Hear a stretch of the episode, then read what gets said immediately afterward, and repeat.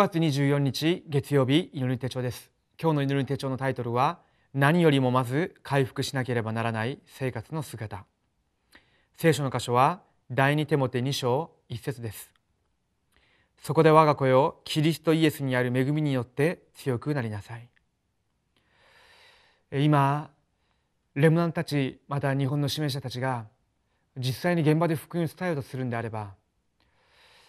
えー、何よりも回復しなければならない部分が福音を持っている者としての生活の規律じゃないかそういうふうに思います。実際エリート専門家知識人社会の中で生活をしている重要な人たちに福音を伝えようとするんであれば私自身の生活に力がなければなりません。ただ単に私が朝早く起きて仕事をしっかりしてそういう意味のものではなくてそれよりもはるかに重要なことが福音の中で自分たちの生活にそういうエリートたちにあったとしても十分に福音を説明することができるだけの力があるのかということです。今日何よりもまず回復しなければならない生活の姿というメッセージですけれども私のすぐ隣にと周りに重要な現場重要な人たちがすでに呼びされてますけれども私たちがこの部分を回復する時に神様が人をつけてくださるんじゃないかと思います。では今日の序文を一緒に読みたいと思います。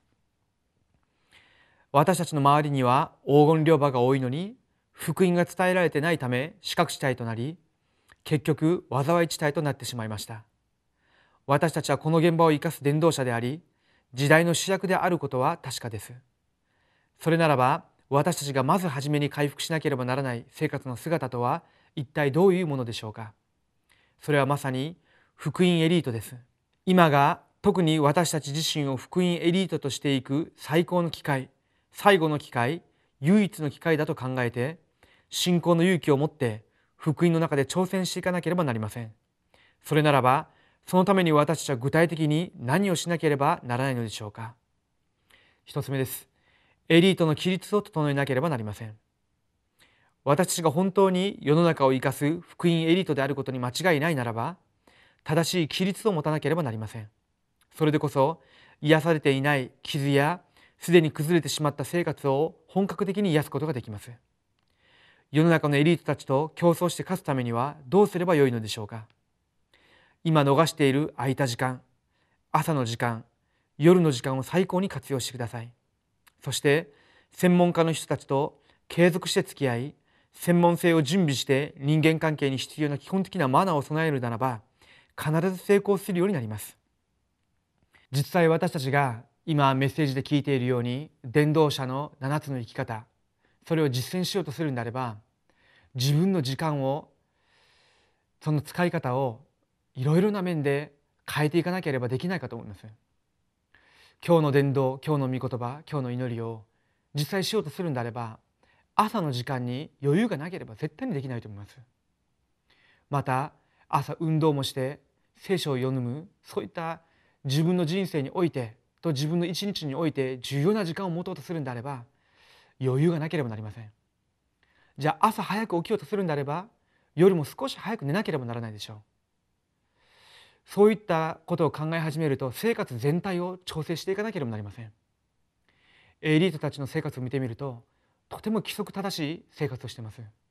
要するに自分のスケジュール全体を自分でよくコントロールしている姿を見ることができます。私の人生は未信者のエリートよりもはるかに価値がある人生だと思います。なぜなら神様の子供なので。ですのでこれから日本を生かして世界福音化をしていく重要なレムナント指名者である私一人一人が少しだけ福音の中で私の人生の価値に見合う生活をすることができるんであれば神様が他の門は全部開かれるはずです。では2つ目です。福音エリートの姿とはどういうものでしょうか？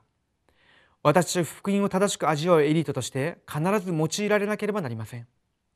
福音エリートは教会と正しい関係を維持しどんな状況や環境でも福音を最高に味わわなければなりません。また数多くの福音の証拠を持っている証人弟子を見る目を持っている伝道者とならなければなりません。そして兵士協議する者農夫のような姿勢と内容を持っていなければなりません。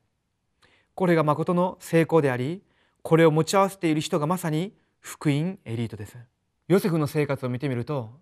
奴隷として仕事をしながらも未信者の主人に十分認められるだけの生活をしてました。そればかりじゃなくて自分のそういう望んでなかった環境の中にいたとしても世界福音化の契約神様の計画を発見してその全ての問題を乗り越えることができる福音の奥義を持っていました。日本の重要な指名者レムナントの方々皆さんが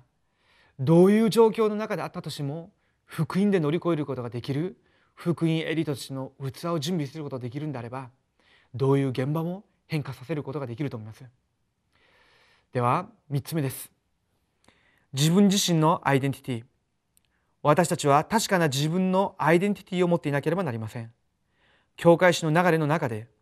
私自身が契約のバトンを次の世代に伝える契約のレムナントであり世の中を生かす伝道弟子であることに確信を持たなければなりません。福音が回復されるたびにどんなことが起きたのかを知っている人にならなければなりません。そして私たちが神様と通じるものとなり現場を考えるたびに胸の中が熱くなり神様の御言葉を現場のあちこちに植える伝道弟子として用いられなければなりません。このことを常に想像しビジョンとして抱き帝国で祈る時ごとに幸せを味わうものとならなければなりません。私たちが自分のアイデンティティ神様の子供として福音エリートとしてとこの時代に契約を伝達する伝道者としてそれに見合う生活の姿を持つことができるんであれば私の現場を必ず生かすことができます。神様が私を用いられるはずです。では今日のフォーラムの主題です。私は誰でしょう？私のアイデンティティに合った生活の姿をどのように整えるべきか祈りながら実践してみてください。お祈りします。生きとられる神様に感謝を下げます。私が何の希望もなかった未信者の時の生き方ではなくてキリストによって救われて神様の子供とされたその生活を回復することができるように私たちに精霊で働いてください。伝道者として世の中のエリート知識人専門家たちを生かすことができるぐらいに私の生活が福音の中で癒され福音エリートとして時代を生かす伝道者としてレムナント運動のリーダーとして準備されるように神様が今この時間私たちを精霊で満たしてください生きとられるイエス・キリストの皆によってお祈りします。